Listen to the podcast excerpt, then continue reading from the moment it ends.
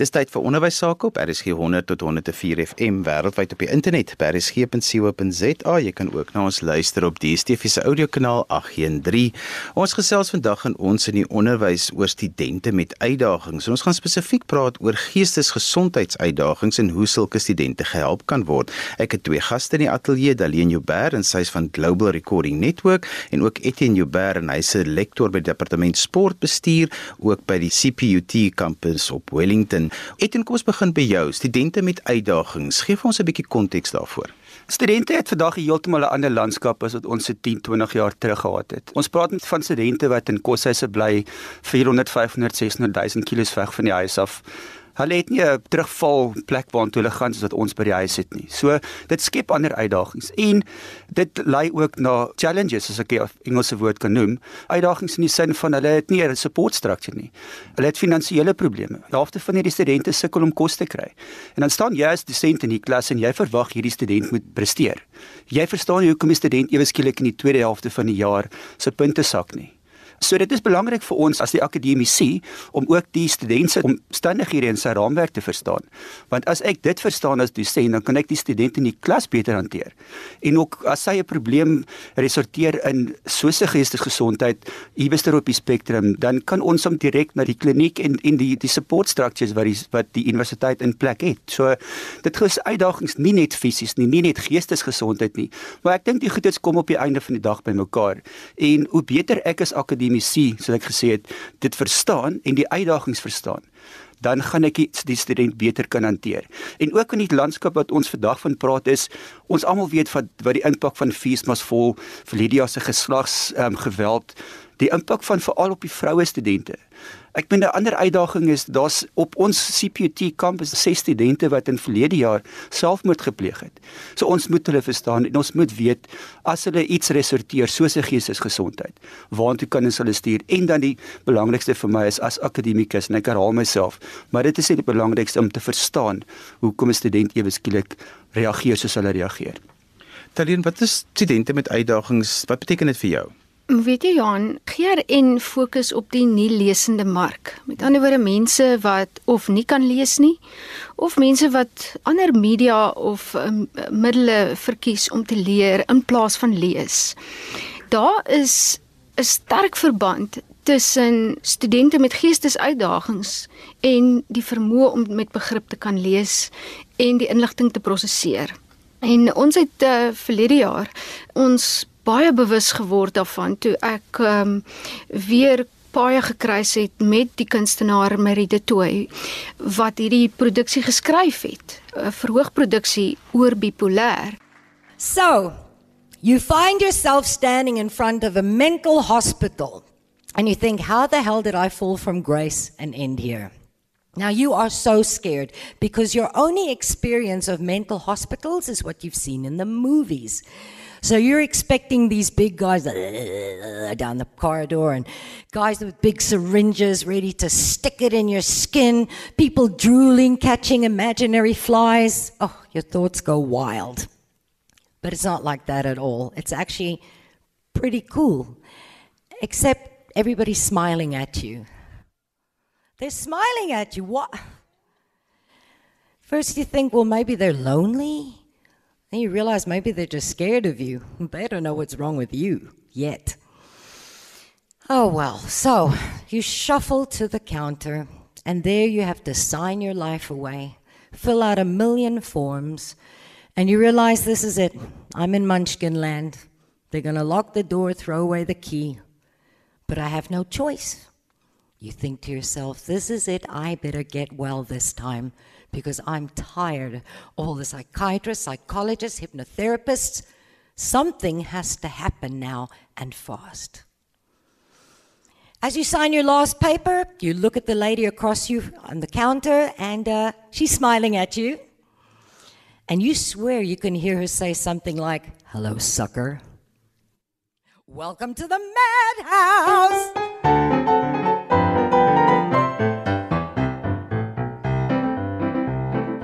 Here we go. There's a garden What a garden. Only happy faces bloom there, and there's never any room there for a worry or a gloom there. Cause there's singing and there's dancing and a lot of sweet romancing. En sy het met my gesit en gedeel oor 'n koppie koffie oor hoe sy soms sukkel om 'n e-pos te lees en om daai e-pos te antwoord en hoe sy haarself bevraagteken het ek dit reg verstaan. En die tyd wat in beslag geneem word, dit so 'n student wat miskien op kampus sit en hy moet nou 'n uh, 'n uh, privaatreg handboek deurlees uh, en en toets skryf môre daaroor. En as hy daardie probleem het met konsentrasie en die prosesering van inligting, gaan hy geweldige uitdagings hê om te presteer. Ek dink dit is maar net so waar ook vir hoërskoolleerders dat hulle ook met hierdie uitdagings sit. So of jy met van studente praat of van hoërskoolleerders, dit almal sit maar met hierdie probleme en en dink onderwysers en dosente deel ook hierdie selfde besorgdheid oor die studente. So as jy praat van leerders en studente met uitdagings, wat is die uitdagings waarna jy verwys? In die eerste plek jy, jy moet verstaan as jy dosent is of 'n student is, tyd wat jy het vir jouself is baie min. Die akademie is erg. Dit maak nie saak wat se kursus jy studeer nie. So natuurlik dadelik is daar studente in 'n uitdagende situasie waar jy moet prioritiseer. Veral in in, in Wellington kampus waar ons studente het in meeste van ons studente bly in koshuise. Hoe help ons daai ou om sy om sy tydsbeplanning te doen? Hoeveel tyd spandeer jy aan jou akademie? Wanneer doen jy 'n bietjie sosialisering? So dit al daai goed is wat ons moet verstaan en die studente mee help.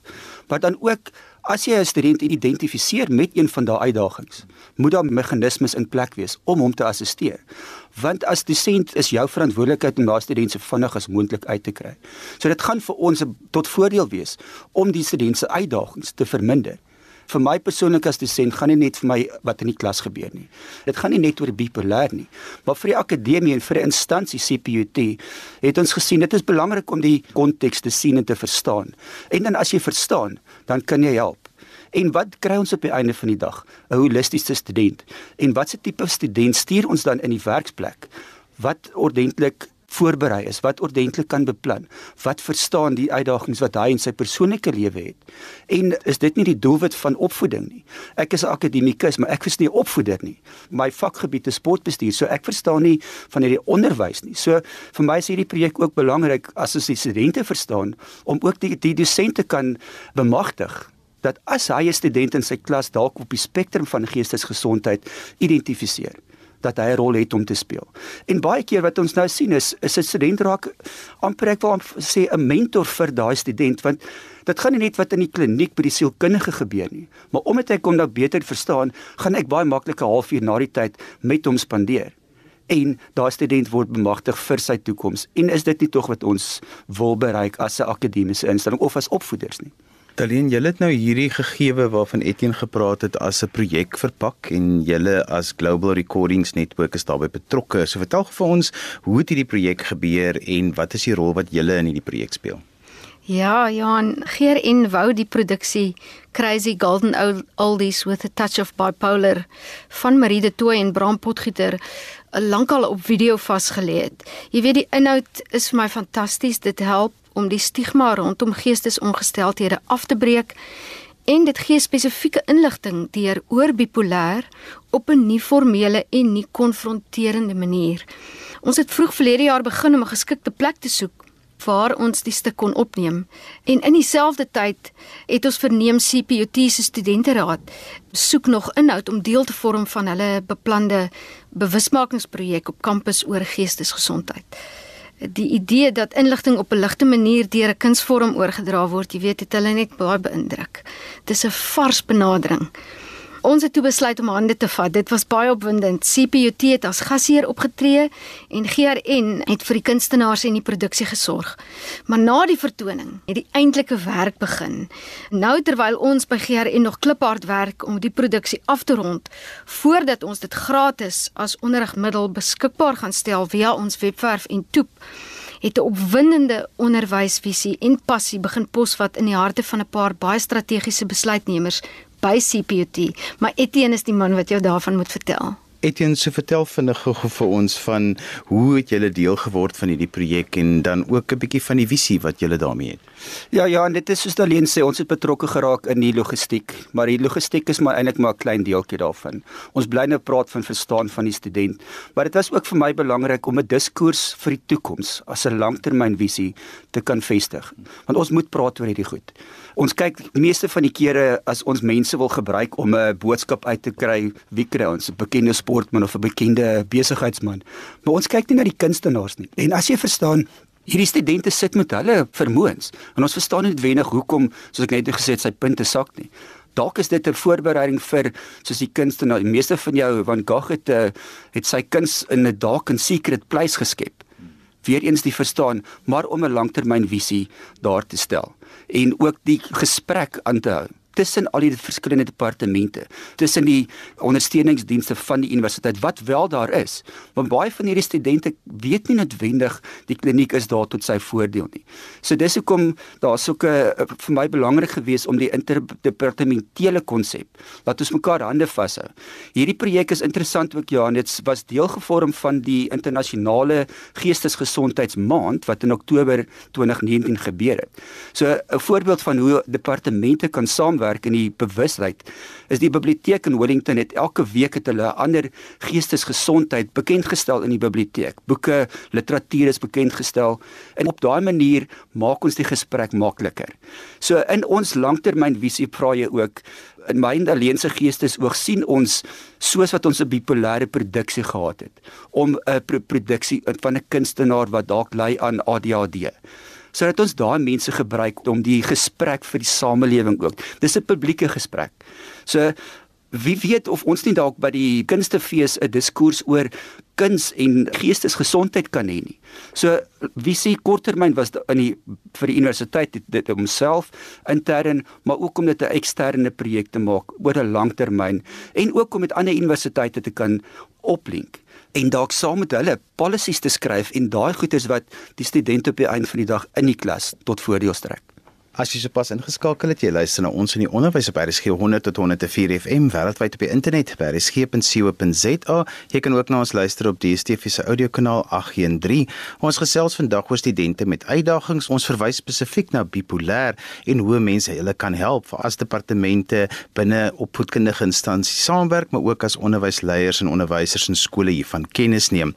My gaste is Daleen Joubert en sy is van die Global Recording Network en dan ook Leani Pinaar wat 'n voorligting sielkundige is en Etienne Joubert wat 'n lektor by departement sportbestuur is by CPUT op Wellington. Leonie, kom ons gesels met jou.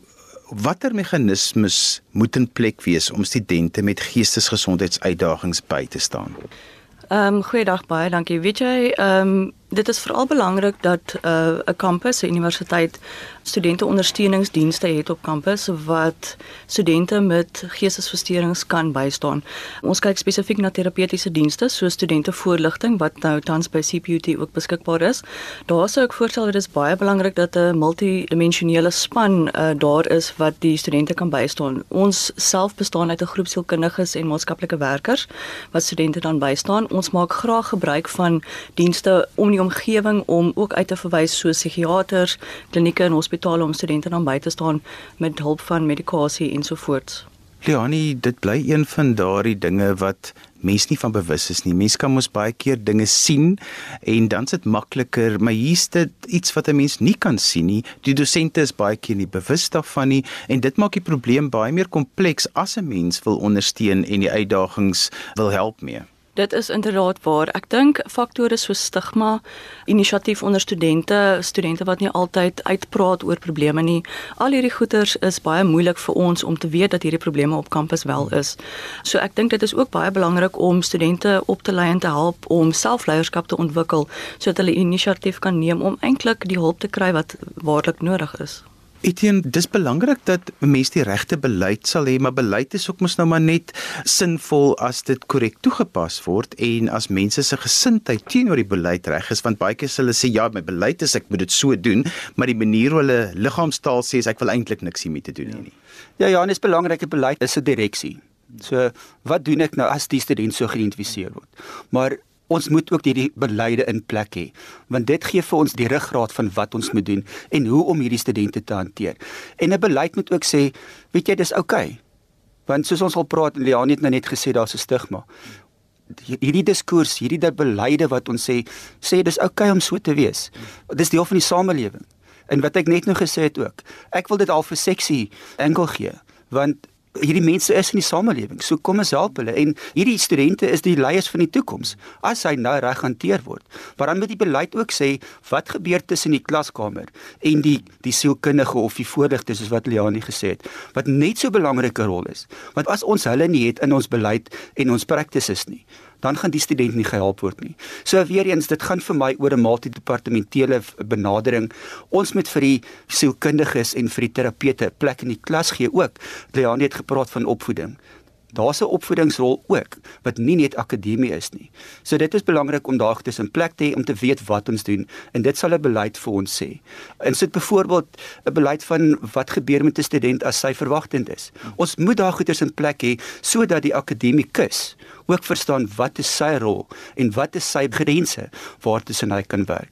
Leonie, want as ek met ouers gesels baie keer en hulle kom hulle sopas uitgevind hulle kind het Asperger of hulle kind is aandagafleibaarheid of dit nou wat ons maar noem ADHD dan kyk hulle net vas teen die probleme, maar hulle besef nie dat hierdie goed bring ook vir ons sekere wat ek noem gifts, dit bring vir ons talente dat 'n Asperger kind is eintlik die ongelooflikste kind om in diens te neem op die einde in jou maatskappy as jy iemand soek wat gefokus kan werk vir ure en dat hulle eintlik baie suksesvol en baie keer meer suksesvol as enigiemand anders kan wees juis as gevolg van die feit dat hulle miskien nou nie so sosiaal is nie. En mense kyk so vas teen daardie enkele dingetjie wat almal so verwag. En baie keer dink ek is dosente ook 'n bietjie blind daarvoor of onderwysers bietjie blind daarvoor en kyk vas teen die sosiale vaardighede byvoorbeeld maar nie teen die dit wat die positiewe is wat daardie ding na die partytjie toe bring nie. Ehm uh, dit is inderdaad so. Ek dink ehm uh, mense moet fokus op die sterkpunte wat reeds daar is en dit is iets wat mense dan uitbou en dan gebruik en dit raak dan nou die die lig wat die die fokus sal trek. So ek weet teen die tyd wat ons gewoonlik studente sien met daardie tipe diagnose, is dit al alreeds 'n staande diagnose. So ouers is al redelik gewoond. Hulle het al deur die hele skoolstelsel gegaan met hierdie diagnose, maar ek dink dit is belangrik dat hulle verstaan op universiteit is daar nou weer ander aanpassings, uitdagings so wat daardie student sal te kom en ek vra dat die ouers ons sal uitsoek en ons sal raadpleeg dat ons die studente dan nou kan help in hulle volgende fase van hulle studies en hulle lewe as hulle inkom met so 'n diagnose. En ek dink weer eens dan daai bewusmaking um, saam te werk met fakulteite en departemente sodat hulle wel kan verstaan dat hierdie student het sekere sterkpunte kom ons werk met dit en hoe kan ons die studente help Taleen Dr. Rina Stein het baie jare terug 'n teses gedoen juist daaroor hoe mens drama en kunste gebruik om mense se ingesteldheid op sekere onderwerpe te verander en dat dit baie vrugbaar gebruik kan word en ook bewys dat mens selfs mense se waardes 'n bietjie kan beïnvloed. Vind julle dat as julle die kunste gebruik dat dit gesprekke ontlok dat mense beter begrip het en dat hulle ook bereid is om net te begin praat hieroor? Verseker. Die gemoedelikheid wat daar was na die vertoning op Wellington het dit vir ons klaar bewys. Mense was skielik oop, hulle hulle het belangrik gevoel. Hulle het gevoel daar studente wat na my toe gekom het en vir my gesê het, "Hoekom gee julle so baie om?" Hulle het geliefd gevoel. Jy weet en, en vir my, my persoonlike visie in die lewe is almal van ons wil geliefd wees en almal van ons het hoop nodig. En dis die boodskap wat daardie aand uitgegaan het. Studente het ewe skielik gevoel, weet jy, daar's hoop vir my en ek hoef nie bang te wees vir hierdie ding wat oor my kop so swaar hang nie. Ons kan praat daaroor en daar's mense wat regtig genoeg omgee om te help. Ons het 'n ete gehad wat die universiteit gasheer voorgespeel het na die vertoning waar ons mense heen uitgenooi het, strategiese rolspelers en wat ons gesê het, kom ons praat verder oor hierdie ding. En mense wou daai aand nie huis toe gaan nie, jy weet, teen onthou jy, ons het uh, dit was ongelooflik, jy weet, ek het later vir mense gesê, maar hoor julle moet nou asseblief huis toe gaan.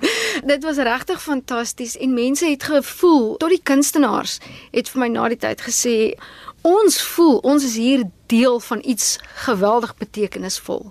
Dit het 'n vuurtjie aangesteek in mense se harte en ek dink ons moet baie meer van hierdie soort ding doen. Net om af te sluit ons tyd so te sê verstreke, wat sal julle persoonlike doelwit wees met hierdie projek? Wat sal julle graag op 'n persoonlike vlak wou bereik? Het Etienne kom ons begin by jou. Ja, en persoonlik um, sal ek wil hê ons moet die diskurs verder vat. Dat ons dit nie hier so stop nie en dit kan baie wyer gaan as hierdie en dat ons vir mekaar sê dis dis oukei okay om anders te wees. En ons hanteer mekaar as in ons anders. So dit gaan nie oor hoekom ons anderster is nie. Wat, wat maak ons dieselfde? En daar is die tipe van goed waarop ons moet fokus. Leonie vir jou? Ek dink vir my is dit maar net weer eens om die stigma rondom voorligtingdienste en die gebruik daarvan af te breek sodat studente actually die hulp kan kry wat hulle moet kry en dat ons meer sal praat oor geestesgesondheid dat dit 'n tema is op kampus wat op almal se tonge is. En vir jou Daleen? Ja, ja, en vir my is dit baie belangrik. Ek het gister 'n artikel gelees there is shame in being different. En ons moet daai ding aanspreek want dit is 'n leuen. Want ons is almal uniek Ons het almal unieke skillsets. Ons het almal 'n potensiaal in ons om 'n unieke bydrae te lewer, 'n positiewe bydrae in hierdie samelewing. By Thailand was ek by 'n vergadering waar 'n uh, GRN bymekaar gekom het en ons het daar vir mekaar gesê, een van die hoofpunte wat ons uitgelig het was in ons verskille lê ons krag. En dit is wat ek wil sien gebeur. Daar buite dat mense dit vat en daarmee loop. Talien as mense meer inligting oor die projek wil hê of met julle wil verder gesels, hoe kan hulle met julle kontak maak? Johanna, hulle kan vir ons 'n e-pos stuur na za@globalrecordings.net.